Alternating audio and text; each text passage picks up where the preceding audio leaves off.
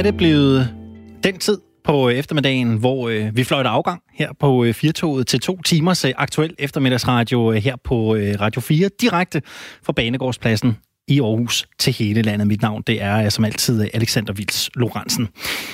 Som altid så har vi mixet en øh, god pose blandet bolcher i øh, historiedepartementet til dig øh, i dag. Og i dag skal det blandt andet handle om noget, som vi alle sammen har et forhold til. Jeg vil våge at påstå, at vi øh, alle sammen har det så tæt inde på vores liv, at vi skriver det på et lille brev. Det gør vi i hvert fald, hvis vi sender fysiske breve, hver gang vi skal have et afsted. Vi skal nemlig tale om vejnavne. Og jeg bor i en del af Aarhus, der hedder øh, Aarhus øh, Ø. Der er ikke rigtig nogen øh, elmevej eller tværvej i den ende af byen. I stedet så øh, har byen, har bydelen, undskyld, navne opkaldt efter øh, mere eller mindre prominente mennesker i politik og kulturlivet. Jeg bor på en øh, gade, der hedder Tit Jensens Gade. Og det er jo øh, Johannes V. Jensens søster, hvis øh, du skulle være i tvivl. Og hvis du er i tvivl, så er du ikke den eneste. For det vidste jeg faktisk ikke, før øh, jeg fandt ud af, at vi skulle lave det her i dag, og lige fik lejlighed for at, at google det. Men Tit V. Jensen, eller Tit Jensen, er altså Johannes V. Jensen, den øh, kendte forfatter bag øh, Kongens Falds søster. Og øh, det er jo lidt interessant med de her øh, gadenavne, for jeg aner egentlig ikke, hvorfor hun har fået en øh, gade opkaldt i en spritny bydel af øh, Aarhus. Lidt ikke så langt fra, hvor jeg bor, der ligger øh, Flemming Bamse Jørgensens plads. Den er ikke særlig øh, prominent, kan man vist øh, roligt sige. Den er lidt, øh, den er lidt rodet, lidt tjusket, og tager sig ikke øh, særlig flot ud i disse tider. Men i eftermiddag skal vi prøve at finde ud af, hvorfor der egentlig er nogle veje, der bliver opkaldt efter de her kendte mennesker, og hvad det kræver at få en vej opkaldt efter en kendt. Grunden til, at vi taler om det her, det er jo selvfølgelig, fordi der her i Aarhus kører lidt en debat om, hvorvidt jeg er Hassan, den afdøde digter, på et eller andet tidspunkt skal have en gade, en plads, en allé, hvad ved jeg, opkaldt, øh, opkaldt efter sig. Vi taler med en af de personer i Danmark, der ved mest om de her gadenavne lidt senere i programmet. Og hvis vi havde tid, man skal jo aldrig sige aldrig i de her tider, så tror jeg godt, jeg kunne tænke mig at ringe til Aarhus Kommune selv og høre, om ikke jeg kunne få en gade opkaldt efter mig. Jeg har sådan prøvet at tænke over, hvad det skulle være. Hvis jeg skulle have en vej i Aarhus eller en plads opkaldt efter mig, hvad skulle det så være? Det kunne jo være lidt fancy at få Banegårdspladsen her i Aarhus, hvor Radio 4 ligger. Det kunne være lidt fancy, hvis det blev øh, Alexander Lorentzens plads. Jeg ved det ikke, men øh, hvis der sidder nogen derude og lytter med nu, så øh, kunne det i hvert fald være et bud. Eller måske fodboldalléen, stadion allé, der fører ned til AGF's stadion. Den kunne også godt hedde Alexander Lorentzens Allé. Eller måske bare Vils Lorentzens Allé. Kan også et eller andet. Det sker nok næppe. Der er vist et eller andet med, man skal være død, før man får en øh, vej opkaldt efter sig. Jeg er vist heller ikke helt fortjent den, øh, den type hæder endnu. Men øh, vi bliver meget klogere på det. Det gør vi øh, her lidt senere. Det kan være, du sidder og lytter med øh, lige nu, og måske er du på vej ind på et brunt værtshus for at få dig en lille tår øl og måske en lille skarp. Det er jo ikke øh, til at vide. Men hvis du er, skal det da være dig vel ondt. Særligt efter, at øh, beværtninger har haft lukket i, øh, i to måneder. Men nu er en stor del af dem altså åbne igen. Og jeg har talt med en til flere privat, som har været ude og haft øh, den her fornøjelse af igen at få øh, lidt humle igennem svælget. Vi skal selvfølgelig også ud og tage stemningen på, hvordan det egentlig kører ude på værtshusene her efter genåbningen. Her på dag nummer to må det jo være, af værtshusenes genåbning. Vi har haft øh, Toge Ripping, vores reporter her på Firtoget, en tur på et øh, aarhusiansk værtshus for at møde alle øh, stamkunderne. I ved, sådan et sted, hvor man har kælenavne. Sådan et sted, hvor man taler til hinanden i kælenavne. Der skal vi hen lidt senere i det her program og høre, hvordan det er endelig at kunne vende tilbage til sin stamplads op i baren. Få en øl. Få en lille skarp et Aarhus-sæt er der sikkert mange, der drikker. Det er vist et eller andet med, det er en arnbitter og en, og en sagers Top, hvis jeg ikke uh, tager helt fejl. Vi skal på værtshus, også lidt senere i den her time af, øh, af Firtoget. Og så skal vi uh, jo også selvfølgelig have gang i debatten her til eftermiddag. Og ligestillingen, det er jo et emne, der debatteres jævnligt i de danske medier. Og i dag, der skal vi altså også til det igen. Og det skal vi på grund af et nyt forslag på Aarhus Universitet, der øh, skal få flere kvinder ind på poster i den akademiske verden. Altså, det skal få flere kvinder ind i de her akademiske stillinger som forsker på universitetet, og det er et øh, forslag, som Berlingske skriver om i dag. På Aarhus Universitet der har et ligestillings- og diversitetsudvalg nu fremlagt en idé, der går ud på, at en videnskabelig stilling, den kun besættes, hvis både kvinder og mænd har søgt stillingen. Det vil sige, at hvis fire dygtige mænd søger en stilling på universitetet, ja, så er der faktisk ingen af dem, der kommer til samtale. Der skal være kvinder i ansøgerfeltet, før man besætter en stilling.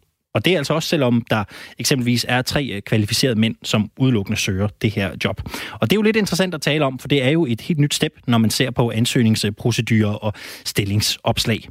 Men hvad er din holdning til en idé om, at man kun besætter øh, stillinger i de videnskabelige miljøer, hvis både mænd og kvinder søger? Er det et rigtigt skridt, hvis man skal have flere øh, kvinder til at ramme de videnskabelige stillinger? Eller hvad tænker du egentlig om øh, den idé? Er vi blevet for fokuseret på kvoter og andre værktøjer i kampen om at få øh, flere kvinder ind på eksempelvis de her akademiske poster? Du kan blande dig i øh, debatten. Du kan ringe ind til mig på 72 30 44 44 72 30 44 44. Ellers kan du sende mig en sms. Du skriver R4 laver et mellemrum, kommer så med din besked og sender den afsted til 1424, og så vil jeg glæde mig rigtig, rigtig meget til at læse dine beskeder op her i øh, studiet den her eftermiddag. Som sagt, så er du havnet på Firtoget her på Radio 4 i studiet de næste to timer. Alexander Vits Storhansen, velkommen til.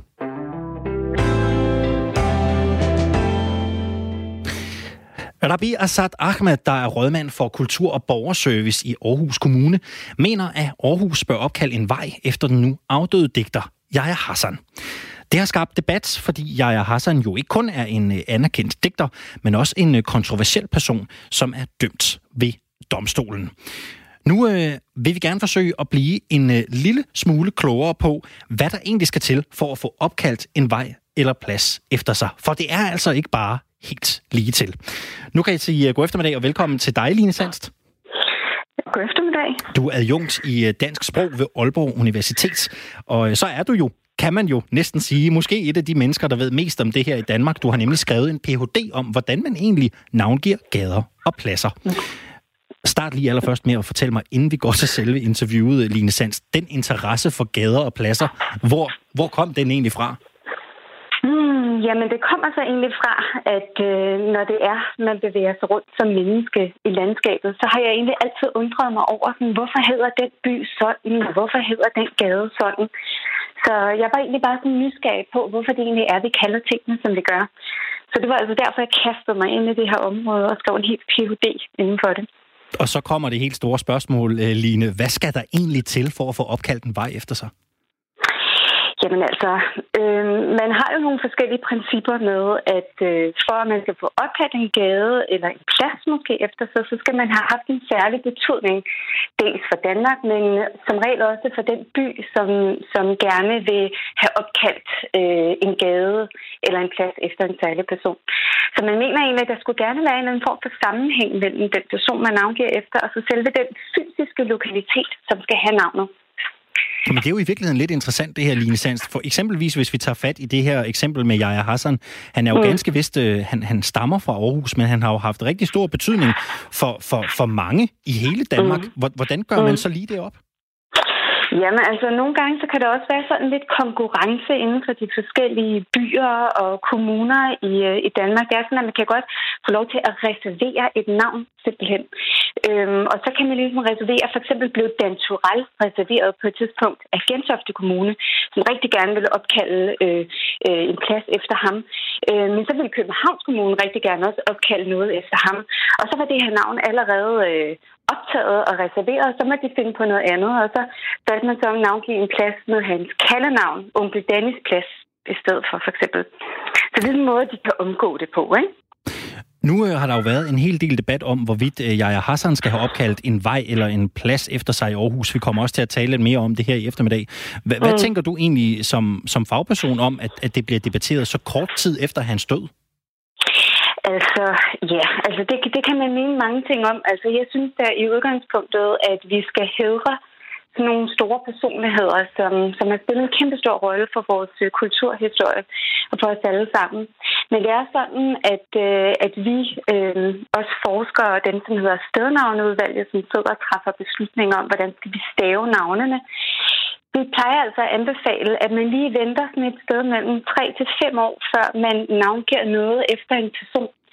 Fordi på den måde, så har man sådan lidt bedre styr på personens eftermæle. Det kan jo godt være, at der dukker et eller andet op om personens historie, som man lige nu ikke ved. Men faktisk også af hensyn til de efterladte, øh, så anbefaler man, at der lige skal gå lidt længere tid, før man opkalder noget efter, efter en død person. Line Sandst, har der været eksempler på, ved du det, hvor man har gået lidt hurtigt til værkst, og så er det viser, at eftermælet måske blev et lidt andet, end, end man, hvad man havde tænkt?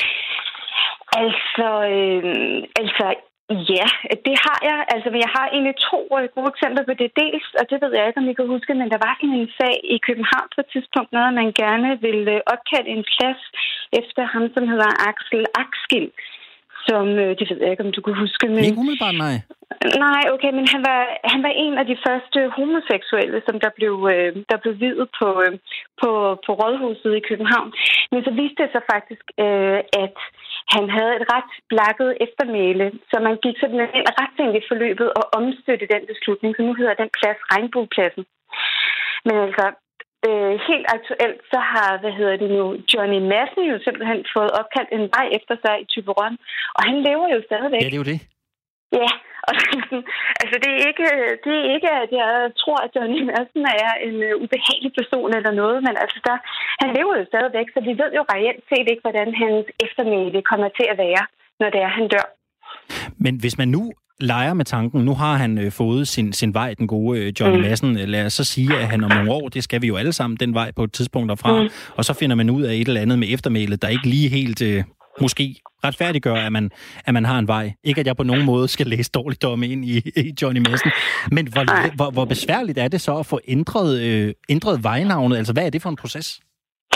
Jamen altså, det kan jo godt være en, en lang og besværlig proces. Og man kan også sige, der, der sker jo det, at når vi navngiver noget, øh, altså en, vi har en by eller en, en vej, som hedder et eller andet, og vi begynder at bruge det navn, alle os, som bor i Danmark, og alle os, som taler dansk, så festner navnet sig simpelthen i den form. Så man kan jo se talrige eksempler på, hvordan man har været henne, og fra myndighedernes side prøvet at ændre navnet på en eller anden lokalitet, en by for eksempel. Men så fordi vi som sprogbrug har været så vant til at sige det navn i så lang en periode, så hænger det ligesom ved. Så man kan sige, at myndighederne de kan ligesom gå ind og sige, at vi fjerner det fra alle mulige kort. Men de har jo ret beset ikke nogen kontrol over, hvad det er, vi går og siger som sprogbrugere. Det er en lille smule interessant det her. Jeg kommer til at tænke på noget, jeg har oplevet i mit eget liv. Line Sandst, på Bornholm er der en lille by, der hedder øh, Østermarie. Og rigtig mm. mange af vejene, jeg ved faktisk ikke, om du kender til den her historie, men i Østermarie, der er rigtig mange af vejene opkaldt efter kendte mennesker. Øh, mm. Blandt andet har René Diff faktisk en vej mm-hmm. i, i Østermarie. Og jeg er faktisk mm-hmm. i tvivl om det her det er en kommunal vej, eller om, eller om det er en vej, der, der bare er blevet, der er blevet tildelt. Jeg ved ikke, om du kender den mm. historie. Jeg kender ikke lige den specifikke historie, men altså, jeg kan godt ikke genkende til den problematik, fordi det er faktisk sådan, og nu bliver det lige lidt teknisk, men uh, det, det er faktisk noget. sådan, at, uh, at nogle af vores veje i Danmark, de er sådan ejet, øh, hvad hedder det, af staten og af kommunerne, og så er det jo faktisk også nogle private ejet veje. Og på den måde skal man sige, så dem, som ejer de her gader, de har jo sådan lidt større råderum for at gå ind og navngive og sige, så kalder vi det bare sådan og sådan. Øhm, så det er ligesom også en måde, man kan omgå det på. Hvis vi prøver at kigge lidt nærmere på, hvem der egentlig øh, bestemmer, fordi det, det er jo ikke øh, så lige til. Der er jo både noget, noget, noget politik og nogle regler på spil her. Hvem, mm. hvem er det så egentlig, der bestemmer, hvem en vej skal opkaldes efter? Jamen, det er alt overvejende i Danmark en politisk beslutning. Øh, vi har en tradition for i Danmark, at det er vores lokalpolitikere, som gør det. Og så i nogle af vores byer, der har vi sådan noget, man kan kalde sådan et vejnavnenævn, hvor der er sådan nogle lokalpolitikere fra sådan nogle teknik- og miljøudvalg, som sidder og træffer beslutninger om det. Øhm, og i andre mindre kommuner, jamen, så, er det, så er det nogle af de politikere, som der ligesom bliver meldt ind øh, i borgerrepræsentationerne. Så, øh, så i Danmark har vi en tradition for, at det er politikere, som, som navngiver vejene. Og man kan sige, at andre steder i verden, der har man nogle andre traditioner. For eksempel i Sverige, så er det historikere og sprogforskere, som sidder og træffer den slags beslutninger. Traditionelt set, øh, Line Sandst, hvor meget øh, debat genererer de her, øh, de her debatter, der nogle gange er, eller de her beslutninger, der nogle gange skal træffes om, hvem der skal have opkaldt en vej efter sig. Hvor, hvor meget betyder det for lokalbefolkningen i en, i en by, om, om en plads skal have opkaldt, om, om en plads skal opkaldes efter et bysbarn eksempelvis? Det har jo en kolossal stor betydning. Altså man kan sige, der er det lidt finurlige ved navne, at det ikke rigtig er noget, vi går rundt og tænker over til dagligt. Altså en vej hedder jo ligesom bare det, det hedder, eller en by hedder det, det hedder. Men lige så snart, at vi går ind og får sådan nogle aktuelle navngivningssager, kigger på det, så kan vi se, at folk har enormt mange meninger om det, fordi det ligesom er forbundet med vores identitet, og vi kan have alle mulige følelser knyttet til de forskellige navne. Så det, det, det betyder selvfølgelig en kolossal stor rolle, hvad det er for nogle øh, navne, som man giver vejene rundt omkring det danske land. Nu øh, nævnte jeg jo selv her i indledningen til programmet, at jeg bor et sted, hvor alle øh, gadenavne, det er en relativt ny bydel, og her er alle mm. gadenavne opkaldt efter kendte danskere, og det er noget af en, af en broet flok, kan man sige. Jeg bor på Tit Jensens Gade, den er opkaldt mm. efter Johannes V. Jensens øh, søster, og lidt længere mm. ned ad vejen, der ligger Flemming Bams Jørgensens øh, plads. Så det er jo lidt mm. et broet øh, spektrum, vi har med at gøre her, kan man sige. Line Sands, kan man sige, kan man sige noget om, hvad, hvad kræver det for en person at få en vej, en plads, en allé opkaldt efter sig? Ja, jeg kan ikke sige noget entydigt desværre. Jeg kan sige, at der er, der er en ting, som der står i de officielle sådan, hvad skal vi sige, øh, retningslinjer for, hvad man bør, og så kan der måske vise sig at være en lidt anden praksis ude blandt lokalpolitikerne. Man kan sige, jamen, man skal have gjort som person en stor ting for, for Danmark, og gerne for den by, øh, hvor man gerne vil have placeret den her vej eller gade. Øh, men så er det jo altså, efter det, så er det jo op til lokalpolitikerne. Øh, og de kan jo have nogle forskellige interesser. Man kan sige, de kan jo også, øh, det kan være, at de måske er mere interesseret i, i fodbold, end de er interesseret i litteratur, for eksempel. Og så vil de måske være mere tilbøjelige til at ville navngive gaderne efter fodboldspillere, end efter forfattere, for eksempel. Så på den måde, så kan man jo egentlig se, at det jo faktisk er politikerne, som trækker vores navne i nogle forskellige retninger. Altså for eksempel kan man jo synes, at det er lidt sjovt, at der er så mange lokalpolitikere, som har fået opkaldt gader efter sig, hvis vi sammenligner med andre stillingskategorier. For eksempel radioværter eller noget andet. Ja, det er en lille smule interessant. Jeg tror faktisk også, der er et par byrådspolitikere derude, hvor jeg bor. Jeg vender lige tilbage til, øh, det var nærmest en, en, en indskydelse for dig, øh, og jeg ved ikke, om det var slip of the tongue, men jeg nævnte det her med, at jeg har øh, Tid Jensens Gade, hvor jeg bor, som er Johannes V. Jensens søster, og så Flemming Bamse Jørgensens plads ligger lige et mm. stenkast derfra. Du sagde, at det var sjovt. Er det, egentlig, er det, ja. er det mærkeligt egentlig, at, at, at der er så stor øh, diversitet? Ja, det er egentlig lidt sjovt, men altså nu, så jeg får lyst til at sætte mig ned med et kort og kigge på, hvad er det så for nogle andre gader, der ligger øh, i, i nærheden. Fordi man kan sige, et af de mest hyppige navngivningsmotiver, når der skal navngives gader i byerne, det er, at man finder på sådan nogle temaer. Så man har en gruppe af gader, og så siger man så, okay, jamen så er det her forfatterkvarteret. Og så går man lidt væk, så er der et fuglekvarter, for eksempel. Og så synes jeg bare, at det virker da lidt sjovt at blande de her to forskellige personligheder, ikke? Det kan... øhm, Ja. Det kan der godt være noget om. Ved du hvad, det kan være, ja. jeg, kan, jeg kan lige prøve, altså prøv lige at vente et øjeblik. Jeg kan lige prøve mm. at fortælle dig, så kan vi jo lige løbe det igennem. Vi har faktisk, ja. Øh, vi har faktisk tid til det, hvis jeg lige kan få mit, uh, mit kort og min, uh, og min mus uh, til at virke her. Det er ikke altid, ja. uh, teknikken den virker virkelig, virkelig godt. Men prøv at der er, jeg kan se, der er altså også nogle byrådspolitikere, der er ude i uh, samme uh, ude i samme kvarter, hvor jeg hører okay. hjemme. Så det er altså ikke ja. kun et, uh, det er ikke kun et, uh, et forfatterkvarter. Der er også, uh, der er også nogle andre uh, navne. Lad mig lige se, om jeg kan finde, øh, lad mig lige se, om jeg kan finde øh, nogle af dem herude. Bum, bum. Til Jensen har vi Bernhard Jensens Boulevard. Jeg ved faktisk ikke umiddelbart, hvem Bernhard Jensen er. Det ved jeg ikke umiddelbart. Nej, og det kan man sige, det er en af de andre sjove ting, ikke? fordi at ofte så, så mm, der bliver navngivet utrolig mange gader og pladser efter personer. Og man kan sige, det kræver jo ligesom en eller anden form for forhåndskendskab til de her navne, så vi kan gennemskue, hvad det er for et tema. Øhm, så altså, der, der er formentlig mange danskere, som ikke ved, hvem Tid Jensen er, for eksempel. Ikke? Jo, jo, øhm, og så, så vil personen bare tænke, okay, hvem i alverden er det? Og, og så kan man jo ikke gennemskue som sprogbrugeren om, okay, hvad er det for et kvarter, jeg står i? Er det en lokalpolitiker, det her? Er det en forfatter? Er det en skuespiller? Hvad er det for noget? Så man kan sige, hvis ideen er for de her politikere side, at man vil lave sådan nogle grupper og nogle temaer, så handler det jo om at få konstrueret en form for tema, som vi andre kan gennemskue. Mm-hmm.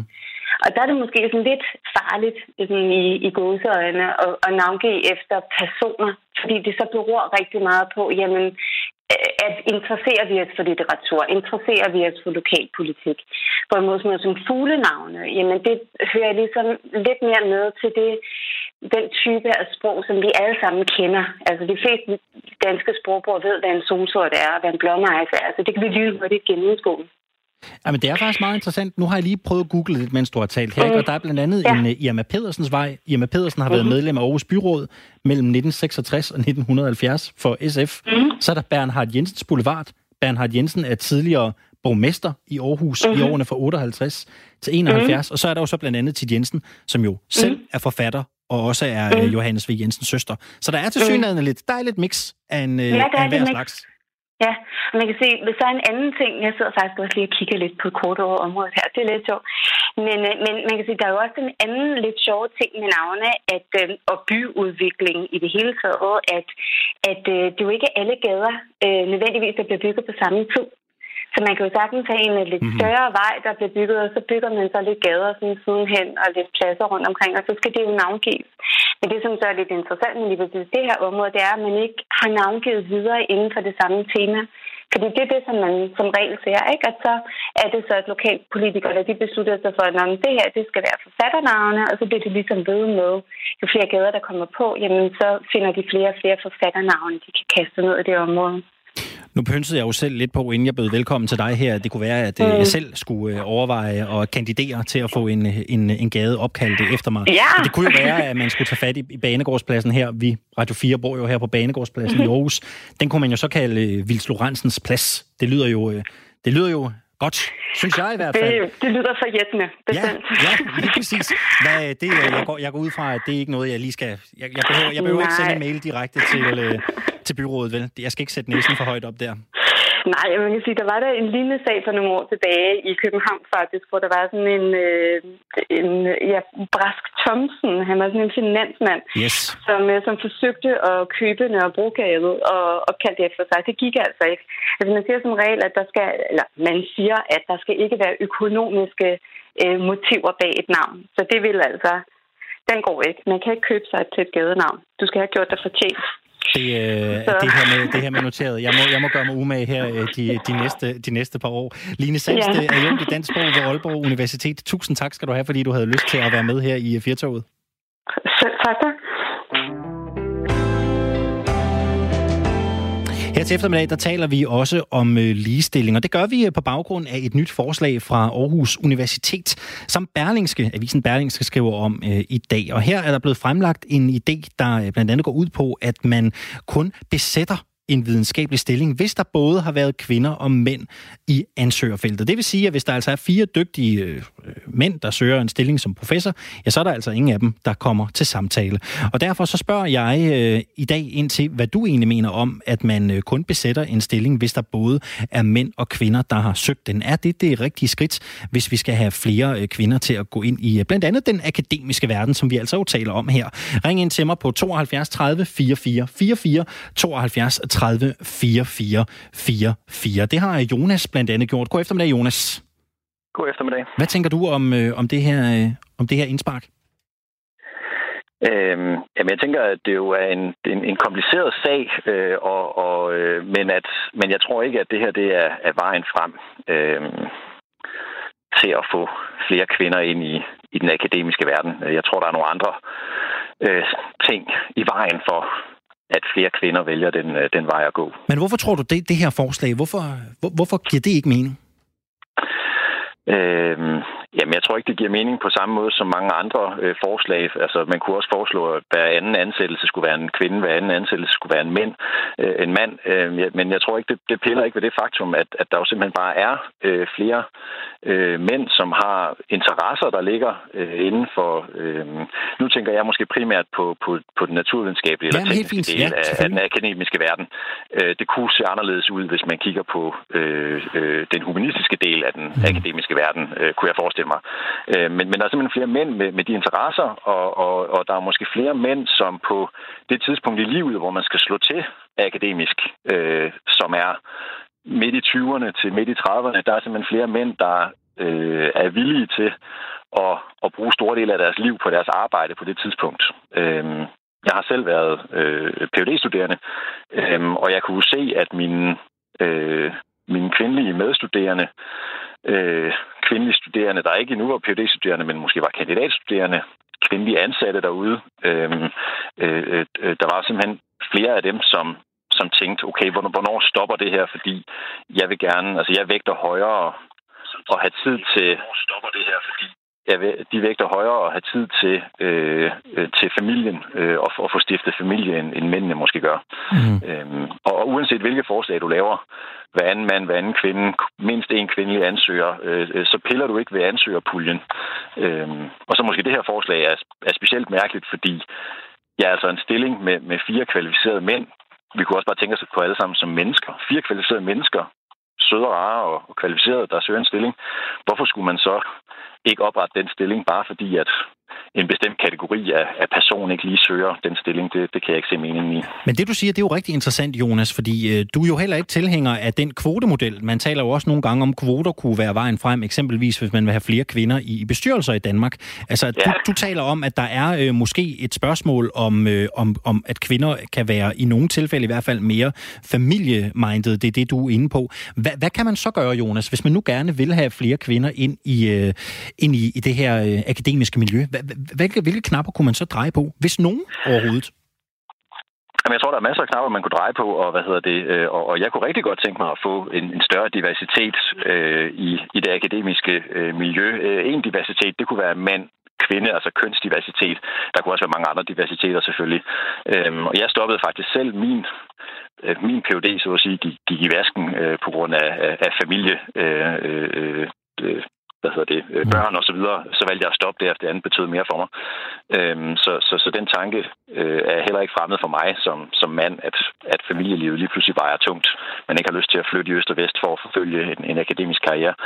Øhm, men hvad kunne man så dreje på? Altså, stillingen skal simpelthen bare gøres mere attraktiv til, øh, til, hvad hedder det, til at passe sammen med resten af, af, af et moderne øh, familieliv, tænker jeg. Øh, det kunne egentlig både gennem mænd og kvinder, øh, at øh, Altså, hvis man kunne...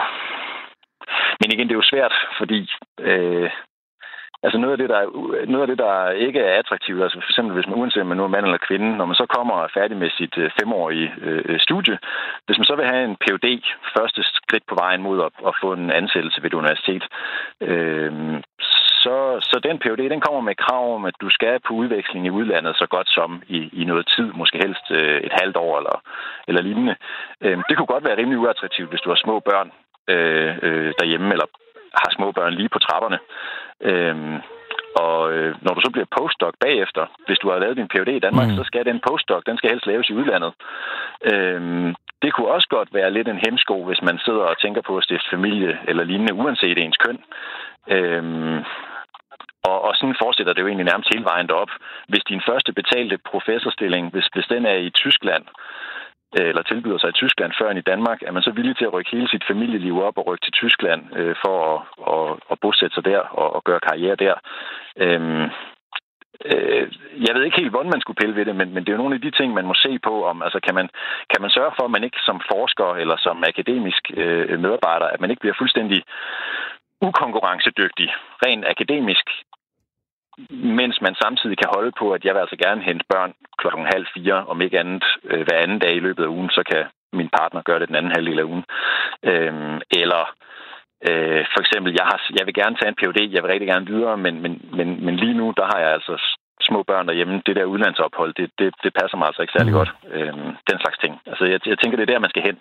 Man skal simpelthen gøre det mere attraktivt og, at komme ind i den, altså øh, fjerne nogle af de barriere, der er øh, øh, familielivsmæssigt. Øh, det er jo nogle gange det, der er gaven, øh, det er jo nogle gange det, der er gaven ved det her program. Det er, når nogen, som kender øh, branchen, nogen, som kender verden indenfra, ringer ind og fortæller, hvad det er for nogle udfordringer, der er på spil. Du fik i hvert mm. fald mm. tegnet billedet og kridtet banen rigtig fint op, Jonas. Og tusind tak skal du have, fordi du havde lyst til at ringe ind og være med her i Firtoget. Ja, velbekomme. Og kan du have en dejlig eftermiddag. Tak lige måde. Hej hej. Øh, du er altså også stadig velkommen til at ringe ind og blande dig i øh, debatten her, ligesom Jonas har gjort. Du kan ringe ind til mig på 72 30 44 44 72 30 44 44 er nummeret her ind i øh, studiet. Tina, hun har sendt os en sms, hun skriver, at det er primitivt og diskriminerende at fokusere på jobansøgers køn. Proceduren ved universitetet svarer jo til at sige, at hvis man kun har rødhårede ansøgere, bliver ingen ansat, før en mørkhåret også ansøger. Det er useriøst at fokusere på andet end kvalifikationer, skriver Tina altså herind. Du kan også gøre ligesom hende og sende en sms. Du skriver R4, laver et øh, mellemrum og sender så din... Øh, skriver din besked naturligvis og sender den afsted til øh, 1424. 4. Øh, og så bliver jeg også lige nødt til at dvæle ved en sms, som Paul har skrevet ind i forbindelse med øh, det interview, vi lavede for et øjeblik siden med Line Sands fra øh, Aalborg Universitet, der altså ved en hel masse om danske vej- og gadenavne, og om hvordan et, øh, et gadenavn egentlig kan øh, komme til at, øh, at blive opkaldt efter en øh, kendt forfatter, politiker, you name it. Paul han skriver ind, jeg kunne godt tænke mig, at Nørrebrogade blev omdøbt til Alexander Brask Thomsen Lorentzens gade. Og det øh, synes jeg, da et eller andet sted er en rigtig god idé, øh, Paul. Det kan da godt være, at vi skal arbejde lidt videre på den der. Radio 4 taler med Danmark.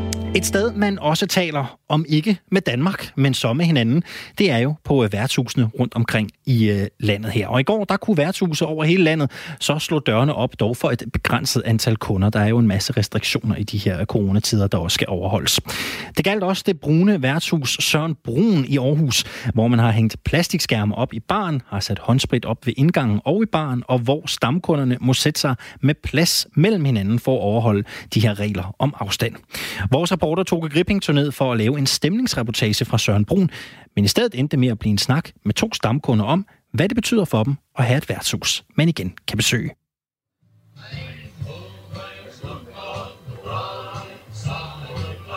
Ja, man kunne næsten ikke have valgt et øh, mere klichéfyldt nummer til lejligheden her på værtshuset sådan broen, hvor gæsterne altså siden i, i går har, har kunne indfinde sig og, øh, og, og indtage de for nogens vedkommende faste pladser i, øh, i baren.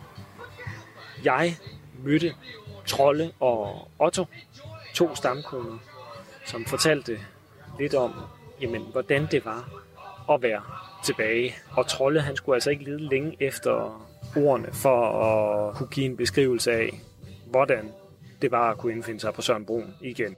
Det var lækkert. Det var, så kan vi jo se alle sammen jo, at der er ikke nogen, der er på under for alt det der. Det var dejligt. Hvorfor betyder det noget at komme, at komme tilbage igen? Jeg går ud fra, at ja, siden du kom allerede i, i går, så har du ventet i spænding på at kunne komme tilbage. Ja, det er selvfølgelig jo. Jo, fordi det, det er jo altså...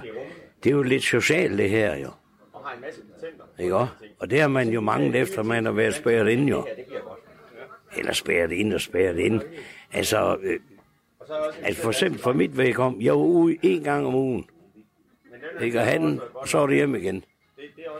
Det var altså ved at du ved, tage pipet fra en til sidst, jo. Ikke? De sidste to dage, dog, der var jeg helt oppe på duberen med at komme herind. Ellers så sad du bare derhjemme. Ja. Jamen, det skulle vi jo. Hvordan var det så at sidde derhjemme? Ja, det var både godt og ondt, men altså, ikke på... Nej, på nogen måde, der var det godt. Jo, man fik jo lavet en hel masse. Ikke som man ellers normalt ikke gider. ikke? Ja. jo, jeg har da fået pakket nogle kasser ud. jeg flyttede kasser. Men du har så du har savnet Søren Brun. Ja, det har jeg. Det har jeg. Det tror vi alle sammen har. Er det øh, det primære sted for dig at være social? Er det her? Ja. Ja, det er. Det er, jeg har. Ikke? Jeg vil have min omgangskreds. Gode venner. Så det er dejligt. Vil du have klaret dig, hvis øh, Søren Brun skulle have holdt lukket en, en måned mere? Altså, hvad har du gjort ved det? Det ved jeg sgu ikke, dog. Det ved jeg ikke. Den er svær. Den er svær at svare på. Ja, velkommen til. Men man har jo nok fundet ud af et eller andet, jo. Men hvad? Det ved jeg ikke. Altså, man kan jo ikke male sin lejlighed igen. Vel, når man lige har gjort det. Vel også. Nej. Kommer du her fem dage om ugen? Ja. Det er vel mere end bare et, et, vandhul, han har sagt. Ja, det er altså. Det er ikke et bumsehul. Nej, nej, men det er Nej. vel også... Man kommer vel for mere end, end bare sidde og, øh, og babysætte en grøn flaske. Ja, ja. Der er meget snak om. Det er altså. Mange forskellige ting. Oh, hvad? Hvad, øh, hvad snakker I så om, når, når I sidder her? Ja, altså, hvordan øh, ikke hverdagen er, og øh, ikke nogen er ved at få bygget, og andre, de har afsluttet det, og jamen, hvordan var det, og håndværk og alt sådan noget. Alt, alt imellem himmel og jord. Sport og politik, ja. Og især sport. Fordi det er, det er nemme savnen. Ja, undskyld, jeg bander, men det er der ikke noget at ved. Sådan er jeg. Hvad med sådan noget som følelser og den slags? Er det noget, der lader vente på sig til de senere timer, eller er det noget, der bliver pakket helt væk? Ah, der er nok nogen, der gør det, men jeg tror, det er ikke så mange. Nej, altså, men de er jo lukket som en bog. Mange. Jo, det er jo nærmest kun damerne, der siger og, og gør sådan noget, jo. Jeg ved ikke, hvorfor. Ikke? Sådan er det. Ja, men nogle gange så er det jo alkohol, der hjælper tungen på glæde. Det er rigtigt. Det er rigtigt. Jo, der er der nogen, der godt lige, du ved, kan slippe tøjlerne. Men det er ikke sådan, at man kan sidde og, og græde i kor, mens man sidder henslængt over barn hernede. Nej. Hvorfor ikke? Synes du ikke, det sømmer sig? Jo, men altså, mændene, de gør jo ikke sådan noget. Det, det, det, det ved jeg ikke. De holder på det. Ikke? De tør åbenbart ikke komme ud med det, jo. Ikke hvis der er nogen, der er syge eller noget alvorligt. Jamen, de siger ingenting, men altså, man kan jo se på vedkommende, at hallo, han har det sgu ikke godt. Så er vi jo gode til at hjælpe hinanden. Ja, ja. Otto, nu har jeg brugt nogle minutter på at tale med øh, din gode ven Trolle, som sagde, at han har savnet at komme herned, fordi der var mange ansigter, han ikke har set i et godt stykke tid, og han havde ikke så meget mulighed for at, at komme ud. Har du, øh, har du savnet at, at kunne komme her på Søren Broen øh, i, i den periode, hvor værtshuset har været lukket ned? Jamen, det har jeg helt sikkert. Det, det har jeg da savnet, fordi det er jo, det er jo hyggelige og flinke mennesker, der kommer. Og så, altså, vi kommer jo ikke sammen privat på den måde. Vi mødes heroppe, ikke også? Og så, når vi går herfra, ikke også? Så er det det. Det, trives jeg udmærket med. Hvad har du, hvad har du lavet i, ja, hvad er det, de går to måneder, hvor du ikke har kunne komme her, for eksempel så? Det har været over i sommerhuset til et røstbættegarn og renset fisk. Har du, øh, har du været i sommerhus øh, alene eller sammen, øh, sammen med nogen? Nej, jeg går alene derovre. Så det, det er jo meget rart, altså. Man skal bare have en stor værktøjskasse, og så noget dunke med maling, så, så går din vældig godt med det. Det er sådan et gammelt hus, det er 50 år gammelt, så det kan godt tåle en overhandling.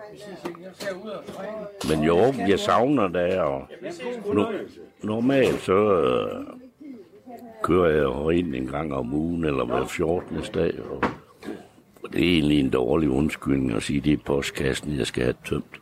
Det er jo lige meget lige for at komme ind og få en sludder med dem, man nu kender herinde. Nu er Trolle ikke så glad for at, og snakke om, øh, om følelser. Har du selv tænkt over, at du har været ensom nogle gange i de her øh, måneder, hvor du ikke kunne komme her, for eksempel? Mm, nej, egentlig ikke. Det, øh, altså nu har jeg jo altid rejst i udlandet, og det har ja, 35 år eller sådan noget. Og det har altid været på mere eller mindre på egen hånd. Så jeg har altid været, været vant til at sidde alene på hotelværelser og sådan noget. Og ja, så gå ned i baren og få en øl og snakke med sådan tilfældige mennesker. Så Nej, altså, jeg er egentlig vant til sådan noget. Men jo, altså, savne det, det, det har jeg da helt gjort, fordi det, det blev en fast rytme i ens liv, at det går man lige ind og får en slud og et par øl, og så lidt videre igen. Men hvorfor er det, du har savnet det, hvis du egentlig dybest set har det godt med at være alene? Jamen, det er jo fordi, at jeg, jeg opsøger ikke at gå alene på den måde, men jeg har bare ventet mig til at... Men altså, når muligheden nu er, og det er et sted, hvor man trives og komme ind til hyggelige mennesker og sådan noget, så, jamen, så opsøger man det jo automatisk. Og ja, man kan godt sige, at man bliver sgu lidt afhængig af det. Lige skal ind og have lidt kaffe og, og nogle øl og sætte og drille hinanden lidt. så er der jo den fordel, at jeg bor 200 meter herfra. Så man kan jo lige gå herop, og som regel også gå hjem. Det er jo også, det er jo også væsentligt, man kan gå hjem. så Kan man få så mange øl, at man, slet ikke, at man ikke engang kan gå hjem? Det er sjældent, men, øh, men det sker. Men så er der altid en eller anden venlig sjæl, der siger også, jeg må vist heller lige følge dig hjem. Så bliver man læsset af. Altså, vi går jo. Og så bliver man læst af ved hoveddøren, og så... Der er altid nogen, der vidste det, men altså, det er jo ikke... Det er jo ikke én gang om ugen eller én gang om måneden. Men det sker da. Jeg synes generelt, folk kommer de, de er flinke til at hjælpe hinanden. Og har man lige noget, man skal have ordnet derhjemme, eller sådan noget, man ikke lige selv kan klare det alene, så kan man sgu altid lukke et par stykker ja. til at give en hånd med. Så ja, så får de en fadøl eller et eller andet. Men ikke sådan noget med kontantbetaling og sådan noget. Det. Men nej, jeg har da også en elcykel, som jeg kører meget på. Det er ikke fordi, jeg uh, sidder her sådan uh, syv dage om ugen. Otte timer slet ikke. Men uh, nogle gange kan jeg godt finde på at komme to eller tre gange på en, på en dag. Så lige ud en time eller halvanden og cykle en tur, og så tilbage igen, og så ud igen. Og det, det, det er hyggeligt at have sådan en lille base her. Kan man... Uh, Nej, det ville jeg da være ked af, hvis det forsvandt. Så jo, det, det er sådan ligesom et, et fritidshjem for voksne. Jamen altså, vi planlægger vores dag. Ja, ja. Ikke også? Altså, hvis vi nu har, øh, du ved, et par timers fri, ikke, man ikke rigtig skal noget, så går man lige herop for lige en kold en, ikke? Når jeg så efter de par timer, så skal man lige, du ved, lave de og de ikke ting. Og når man bor tæt på, jamen så er det jo meget nærliggende, at nej, jeg tager sgu lige op og får en enkelt igen, ikke? Og vi må nok indrømme, at det er jo ikke os, der sidder derhjemme foran computeren og spiller computerspil og sådan noget der. Så går vi hellere herop og får lidt personlig kontakt og en lille slud, og så går vi igen. Det, det, nu er der kommet nye generationer, det, de lever på en lidt anden måde. Men øh, vi ændrer os ikke nu her. Det, det er vores livsstil nu. Ja, fordi det er så tomt. Ikke, det er så tomt, man bare ser med sådan en skærm. Hallo? Ikke? Og når man sidder der i to eller tre timer, du ved, og man kan næsten ikke engang komme op på sofaen. Vel, fordi benene de syrer fuldstændig til. Nej, kom ud og lav noget. Hvad med familie og sådan noget? Har I brugt tid sammen med dem her de sidste par måneder? Ja, dem der har. Jo, jeg har ingen familie mere. De er væk. Helt bundet. Så hjemme selv. Men det øh, Jamen, jeg har det fint med det. Jo, jo, jeg takler det udmærket. Jeg kan godt få tiden til at gå. Det har jeg aldrig haft problem med. Hvad med dig, Otto? Jamen, jeg har kun en søster tilbage. Og Jamen, vi besøger ikke rigtig hinanden. Det, et par gange om året. Så er det det. så nej, jeg forsømmer ikke noget familie. Det er jo man. Altså, jeg er det gud ikke noget. Jeg er jo 71 år. Så der er begrænset, hvor meget man kan have. Jeg er okay, børn og kone og alt det. Men det har jeg ikke noget af mere. Det er dejligt, du Så.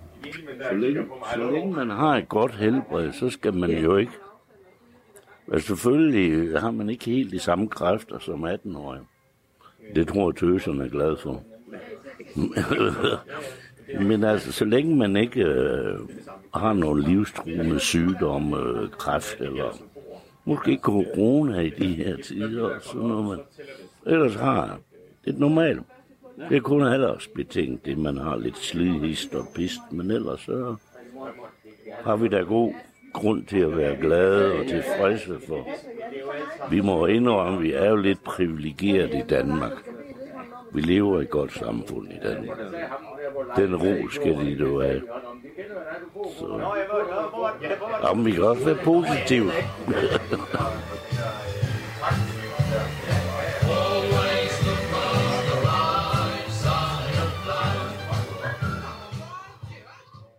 Ja, sådan lød det altså med en uh, tur på uh, Søren Brun her i øh, Aarhus uh, lidt uh, tidligere i uh, dag.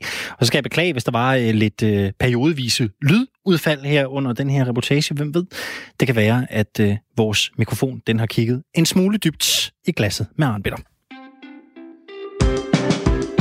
I dag der er det netop øh, 90 år siden, nemlig tilbage i 1930, at kvinder fik stemmeret i Sydafrika. Dog galt det kun de hvide kvinder. Sydafrika er kendt i omverdenen for apartheid, et race adskillende system, hvor hvide og sorte i landet blev adskilt og givet magt ud fra deres race. Apartheiden herskede officielt i årene fra 1948 og ind i 90'erne. I år der er det også 30 år siden, at Nelson Mandela kunne forlade fængslet efter at have siddet inde i 27 år. Få, efter, få år efter blev Mandela den første sorte præsident i Sydafrika, på et tidspunkt, hvor uligheden i samfundet mellem sort og hvid har været definerende for landet og en indgroet del af Sydafrikas historie. En historie, som Mandela forsøgte at gøre op med. Derfor tager vi temperaturen på det sydafrikanske samfund nu, for hvor meget fylder apartheid mellem sort og hvid egentlig i Sydafrika i dag?